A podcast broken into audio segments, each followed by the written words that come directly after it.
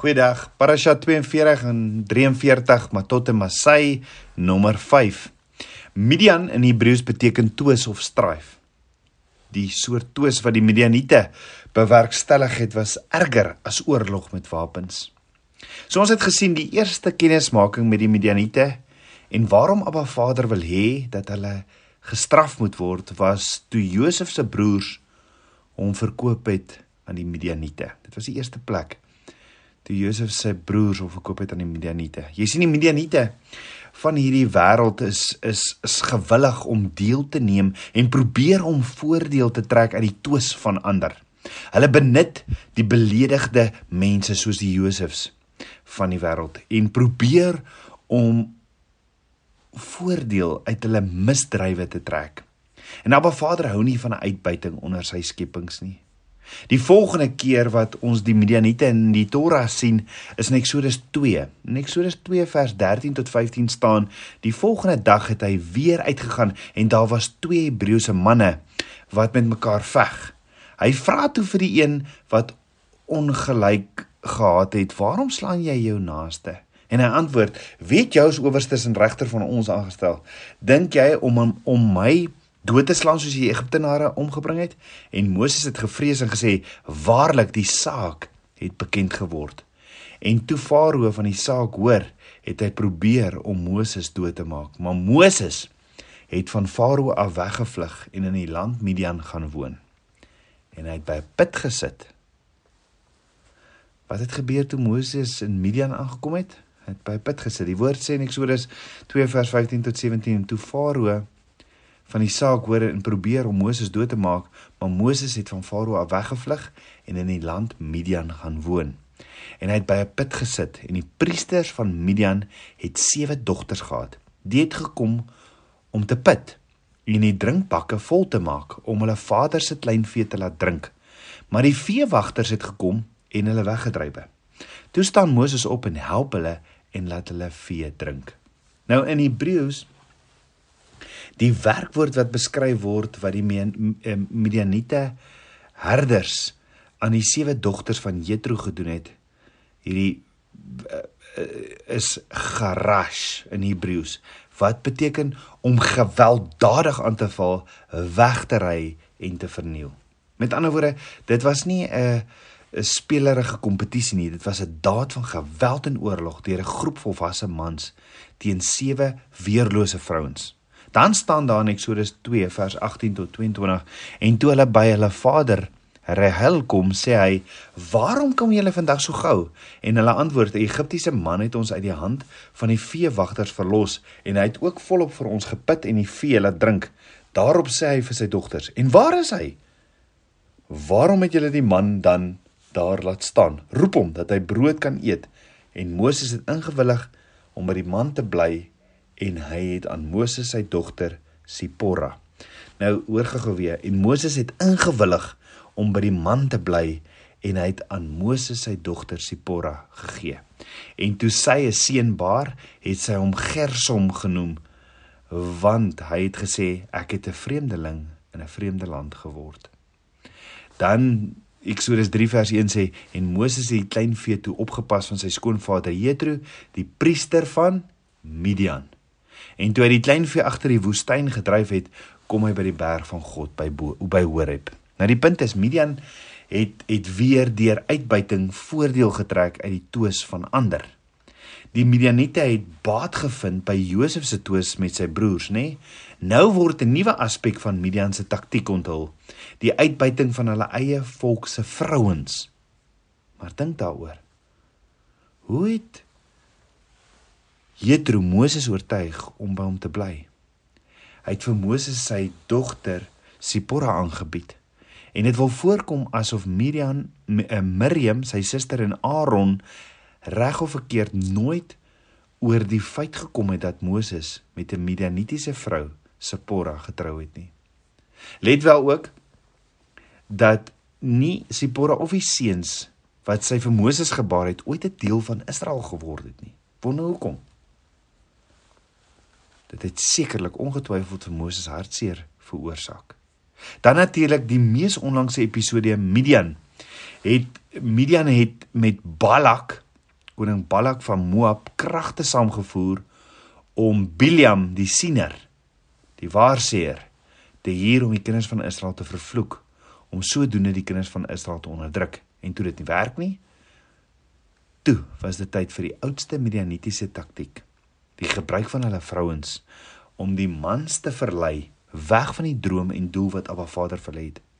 Net soos Jethro, nê, jare gelede sy skoonheid van sy dogters of sy dogter Sipora gebruik het om Moses te verlei en so het Midian so die Midianite die skoonheid van Cosby en ander baie suksesvolle ehm um, uh, gebruik om Israel se manne te verlei weg van Abba Vader se plan vir hulle.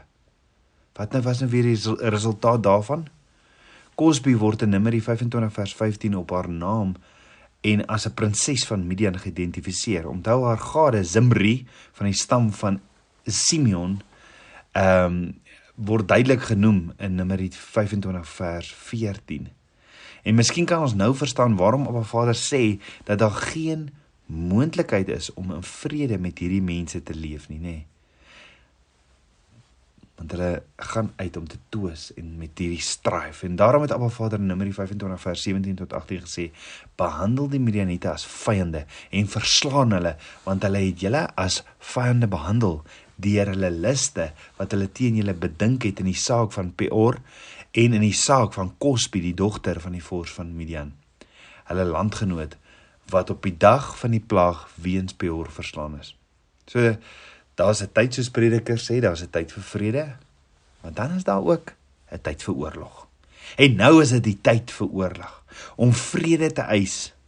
In so 'n tyd soos nou is niks minder as om teen Abba Vader te rebelleer nie, want hy sê, maak oorlog. So Abba Vader sê vir Moses in Numeri 31 vers 1 tot 2: Neem wraak vir die kinders van Israel op die Midianiete. Wraak in Hebreëus is die woordjie nagam. Nagam Nagwam wat beteken om tevredenheid weg te neem of om presiese regverdige vergoeding weg te neem van iemand wat 'n bloedverwant beseer het. Histories is hierdie wraak bereik waar daar geen regstelsel was nie. Midian Midian onthou Midian se afgodsdiens was Baal Peor. Midian het nie geregtigheid nagestreef nie en soos ons in Abel se dood ook al gesien het, het bloed 'n stem. Ja, 'n stem wat tot Abba Vader roep tot geregtigheid. Nou Nagam is om te reageer op die stem van daardie gestorte bloed. So die opdrag van Moses was om 12000 man, 'n spesiale mag wat Moses onder die geestelike leiding van Pinchas uitgestuur het. Was om Israel teen Midian te wreek vir wat in Beth op Peor gebeur het. In Hebreëus is Moses aangesê om Midian te Nagam, Nagaham. Nou hierdie dubbele vorm van Nagam beskryf 'n Hebreëse konsep wat 'n eienskap van Abba Vader beskryf wat ons almal goed moet verstaan. Ons sal almal eendag aan die Nagam, Nagaham van Abba Vader deelneem. Hierdie konsep van Nagam word vroeg bekend gestel al in Genesis en vloei voortdurend reg deur die woord tot by die boek Openbaring. So om te verduidelik, Nadat Kain Abel doodgeslaan het, het Abba Vader 'n merk op Kain geplaas. Ja, Abba Vader sê in Genesis 4 vers 15: "Daarom as enige een Kain doodslaan, sal dit sewevoudig gewreek word." En die Here het 'n teken gegee aan Kain sodat enige een wat hom kry, hom nie sou doodslaan nie. Jy sien, Abba Vader se woord is baie ernstig daaroor dat die mens mag nie wraak neem nie. Wraak Nagam is iets wat vir Abba Vader gereserveer is. 'n Man wat wraak op homself, sy kinders of sy stam neem, doen dit op sy eie risiko. Die lot van so 'n man is 7 keer erger as die van die moordenaar Kain. Vir diegene wat 'n swaard dra in sy eie krag en sy eie tydsberekening vir sy eie doeleindes, dis 'n daad van blaatante afgodsdiens. So 'n vermoedelike daad plaas die eie ek op die troon van Abba Vader, 'n plek wat net Abba Vader alleen moet inneem. Dit plaas op die menslike vlees die septer van Abba Vader. En die gebruik van hierdie mag is gereserveer vir baie baie spesiale en unieke omstandighede. En wanneer dit goddelik bepaal word, is dit nie vir 'n individu of selfs 'n beledige 'n beledigde stam. Onthou so Simeon en Levi wat hulle gedoen het toe Dina hulle sussie verkrag is ook geregtigheid in eie hande geneem het. Hierdie hierdie bepaalde tyd, hierdie goddelike ehm um, geregtigheid Nagam word bepaal op 'n bepaalde tyd. Dit is nie vir enige iemand uit ywer of passie om op te tree nie. Dit is vir die hele volk wat gesamentlik doelbewus as een man optree op Abba Vader se woord. Ons moet in gedagte hou dat enige Nagam Nagaham opdrag van Abba Vader onderhewig sal wees aan 'n baie fyn en sensitiewe skaal van gemagtigde kwaliteit en hoeveelheid. So Ons het sy hart, sy verstand en sy reëls nodig, sy tydsberekening. Ons moet verstaan dat of een hout te min of een hout te veel aan die vyand toegedien word op ons eie koppe sal neerkom. Slegs die wat in verbond saam met Abba Vader wandel, wat die unieke en fynheid van die omvang van Nagam Nagaham respekteer, kan deur Abba Vader vertrou word om op te tree met sy vaardigheid. Slegs diegene wat die wee van Abba Vader ken en liefhet, kan vertrou word om presies die hoeveelheid oordeel wat hy ingestel het oor te dra.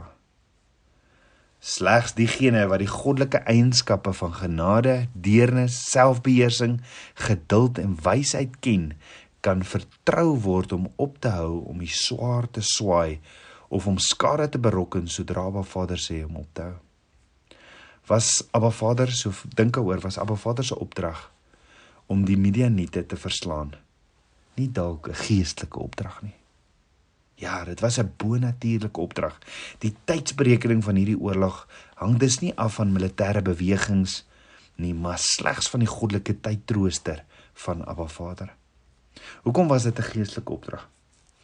Want dit was van die onreg wat die Midianiete die kinders van Israel aangedoen het dat Moses die opdrag gekry het om te Nagam, Nagaham.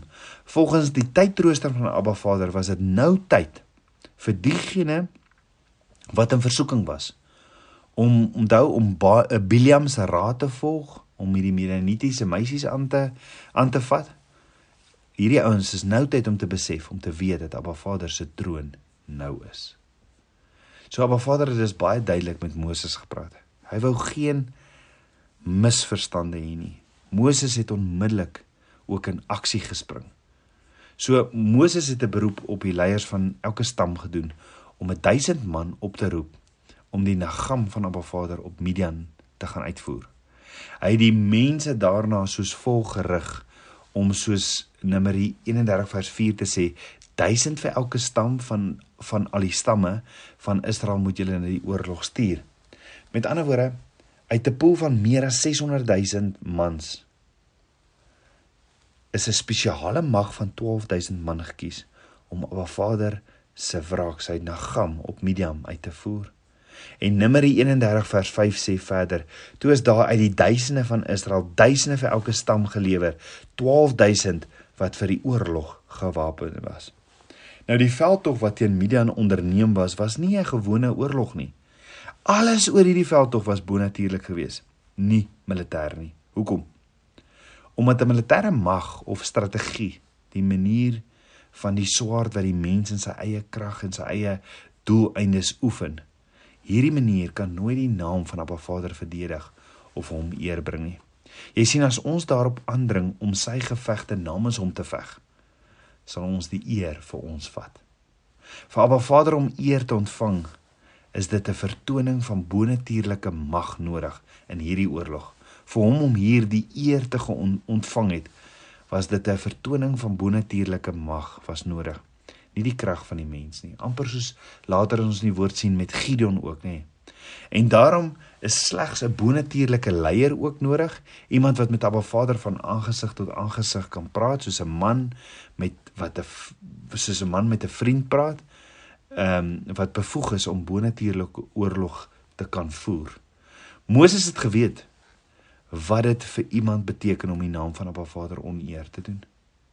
Moses het het dit immers al self gedoen en geweet. Moses het geweet hoe belangrik dit is vir Abba Vader om sy naam te regverdig. Moses het die plaag gesien wat Abba Vader na Egipte gestuur het en op diegene van die verlosters wat Abba Vader se erfenis verwerp het. Nou Moses het gesien dat Midian die harte van baie van Abba Vader se kinders weggeskeer het omdat dat 24000 man ook dood gegaan. En van die groot onderneming om op 'n Vader lief te hê en wat hulle self oorgegee het aan hierdie waaglike Midian Midianse vroue wat rondom die Midianse afgod aanbidding seremonies rondgedans het. Midian het dus gesê dat Abba Vader nie voldoende of genoegsaam was vir Israel, vir die kinders van Israel of vir Midian en dat die verbond wat Israel met Abba Vader gehad het van geen belang was nie. Dit was hulle taktik. En Moses het geweet Abba Vader sal nie toelaat dat 'n meerderwaardige gewapende mag sy werk vir hom doen nie. Moses het geweet dat Abba Vader se eie naam met sy eie uitgestrekte arm en magtige hand sou vestig. Moses het ook nie vir jo vir Joshua die bevelvoerder van die leer van Israel gestuur om die veldtog te lei nie. Nee, Moses het in plaas daarvan vir Pinchas, die priester, die jong man wat vol ywer vir Abba Vader is, gestuur. Per slot van sake onthou Pinchas was die proses van Nagam teen Midian. Dis hy wat dit begin het. Onthou toe Cosby en Zimri ingekom het in die laar, toe Pinchas die swaard so in hulle ingesteek. Hy het hulle deurboor toe hulle by die tent van samekoms inkom met sy swaard. Numeri 31 vers 6 sê en Moses het hulle na die oorlog gestuur. Hy stuur toe hierdie manne, hierdie 1000 van elke stam na die oorlog. En Pinchas, die seun van die priester Eliezer, na die oorlog met die heilige voorwerpe en die trompette by hom om alarm te blaas. Nou wat is hierdie heilige voorwerpe wat hy saamstuur? En trompette. Dit klink amper ook soos Gideon hulle nê, met ramshorings, met 'n erdekruik en 'n en 'n lampie nê. En die mans wat op hierdie Nagam Nagaham sending teen Midian gegaan het, was nie bloeddorstige krygers wat vir hulle self probeer namaak het of om dit te doen om enige beloning te ontvang. Nee, hulle was eintlik glad nie vegters of soldate nie. Hulle was bloot getuies wat gestuur was om waar te neem en om ooggetuies te wees van Abba Vader se troon. Sjoe. Hierdie mans is uit al 12 stamme gekies sodat hulle in staat sou wees om aan hulle eie stamme te kan rapporteer die wonderlike ingryping van Abba Vader. Hoe Abba Vader self sy naam gevestig het en nie hulle nie. Alhoewel hierdie spesiale gekose mag slegs 12000 in getal was wat 'n mag aangeval het van soveel as 100000 mans. Ja, 100000 mans van die Midian mag is vernietig. Hoor gou terwyl die 12000 man van die Hebreëse mag nie eers een enkele slagoffer gehad het nie. Daar word geen held in hierdie oorlog opgebeur nie. En daar word van geen militêre strategie gebruik gemaak nie. Die woord verwys in werklikheid nie eers na enige ander skermutseling nie. Dit wil voorkom asof daar geen geveg was nie. So ons word bloot net vertel in Numeri 31 vers 7 tot 8 en hulle het oorlog toegetrek teen Midian soos Jahwe Moses beveel het en al die manlike persone gedood. Ook het hulle die koning van Midian gedood by die wat hulle verslaan het. Ook het hulle Biliam die seun van Beor met die swaard gedood. So dink daaroor. Is dit nie 'n vreemde manier vir die woord om 'n geveg van 12000 man aan te meld teen meer as 'n geskatte leer van 100000 man nie? Dit is asof die Midianiete in 'n in 'n bonatuurlike slaap verslaan is en en min of geen weerstand gebied het nie. En Numeri 31 vers 9 tot 10 sê: "Maar die kinders van Israel het die vroue van die Midianiete en hulle kinders as gevangenes weggevoer en al hulle lasdiere en al hulle vee en al hulle rykdom geroof. Verder al die stede en hulle woonplekke en al hulle laars het hulle met vuur verbrand." Dan word elke kryger van Midian is doodgemaak met geen enkele slagoffer aan die kant van Israel nie. So om oor te ponder. Gee die woord ons nie 'n prentjie van Abba Vader se nagam wat ook aan die einde van die dae sal gebeur nie. Gee Abba Vader se woord ons nie hier 'n prentjie van die geveg wat Yeshua ons koning, ons Messias gaan voer nie. Jy sien alhoewel Pinchas die leer in die geveg gelei het, was hy nie die hoëpriester nie. Sy vader Eliezer het die am van die hoëpriesterskap gehad. Maar Pinchas was ook die een wat genoem is die gesalfde vir oorlog. Meshiach Milchama. Meshiach Milchama in Hebreëus. Dit is die term vir die oorlogsmessias. Nou die gesalfde vir oorlog was 'n priester wat met die leers van Israel opgetree het. Hoor gou, as voorbidder en verteenwoordiger van Abba Vader op die slagveld. Tipies was die gesalfde vir oorlog nie die hoëpriester nie, maar 'n afgevaardige van die hoofpriester. En terwyl die weermag voorberei het op oorlog, het die priester wat as gesalfde vir oorlog aangewys is, die soldate opgeroep, hulle aangemoedig, hulle omhels, oor hulle gebid en hulle na die slagveld vergesel. Kyk maar na Deuteronomium 20. So hierdie gesalfde vir oorlog verwys ook na koning. Verwys ook na die koning Messias, Yeshua wat soos Dawid die slagveld sal inneem en teen die oorlog van Abba Vader sal veg. Hy veg met bonatuurlike wapens. Pinchas gaan hierdie geveg in met bo natuurlike wapens, nie deur krag of deur deur mag of nie deur krag of deur krag nie, maar deur my gees, sê Sagaria 4 vers 6 nê. Nee. Die almagtige sal die almagtige salf hom, Abba Vader salf hom met die gees van krag. Um om die vyande van Israel te oorwin. En die woord sê dat Pinchas die heilige voorwerpe en die trompette vir alarm saam met hom in die stryd gevat het. En die bonatuurlike wapens wapens wat hy saamgevat het, het in hierdie geveg geheers. So wat is hierdie heilige voorwerpe wat hy saamgevat het? Pinchas het die borsstuk van die hoëpriester saamgeneem met die urum en die tumum by wat hy by hulle gedra het sodat die leer sodat die manne wat wat in hierdie oorlog was met Abba Vader kon beraadslag op die veld van die geveg. Die heilige voorwerpe verwys ook na die verbondsark met die twee kliptafels wat daarin was. Die ark het die teenwoordigheid van Abba Vader op die slagveld voorgestel. En toe die ark weggetrek het, het Moses gesê in Numeri 10 vers 35: "Staan op, Here, en laat u vyande verstrooi word en laat die haters voor u aangesig vlug." Pinchas het ook die die die silwer trompette gedra wat gemaak was om die nasie bymekaar te laat kom en die gevegskreet te laat hoor.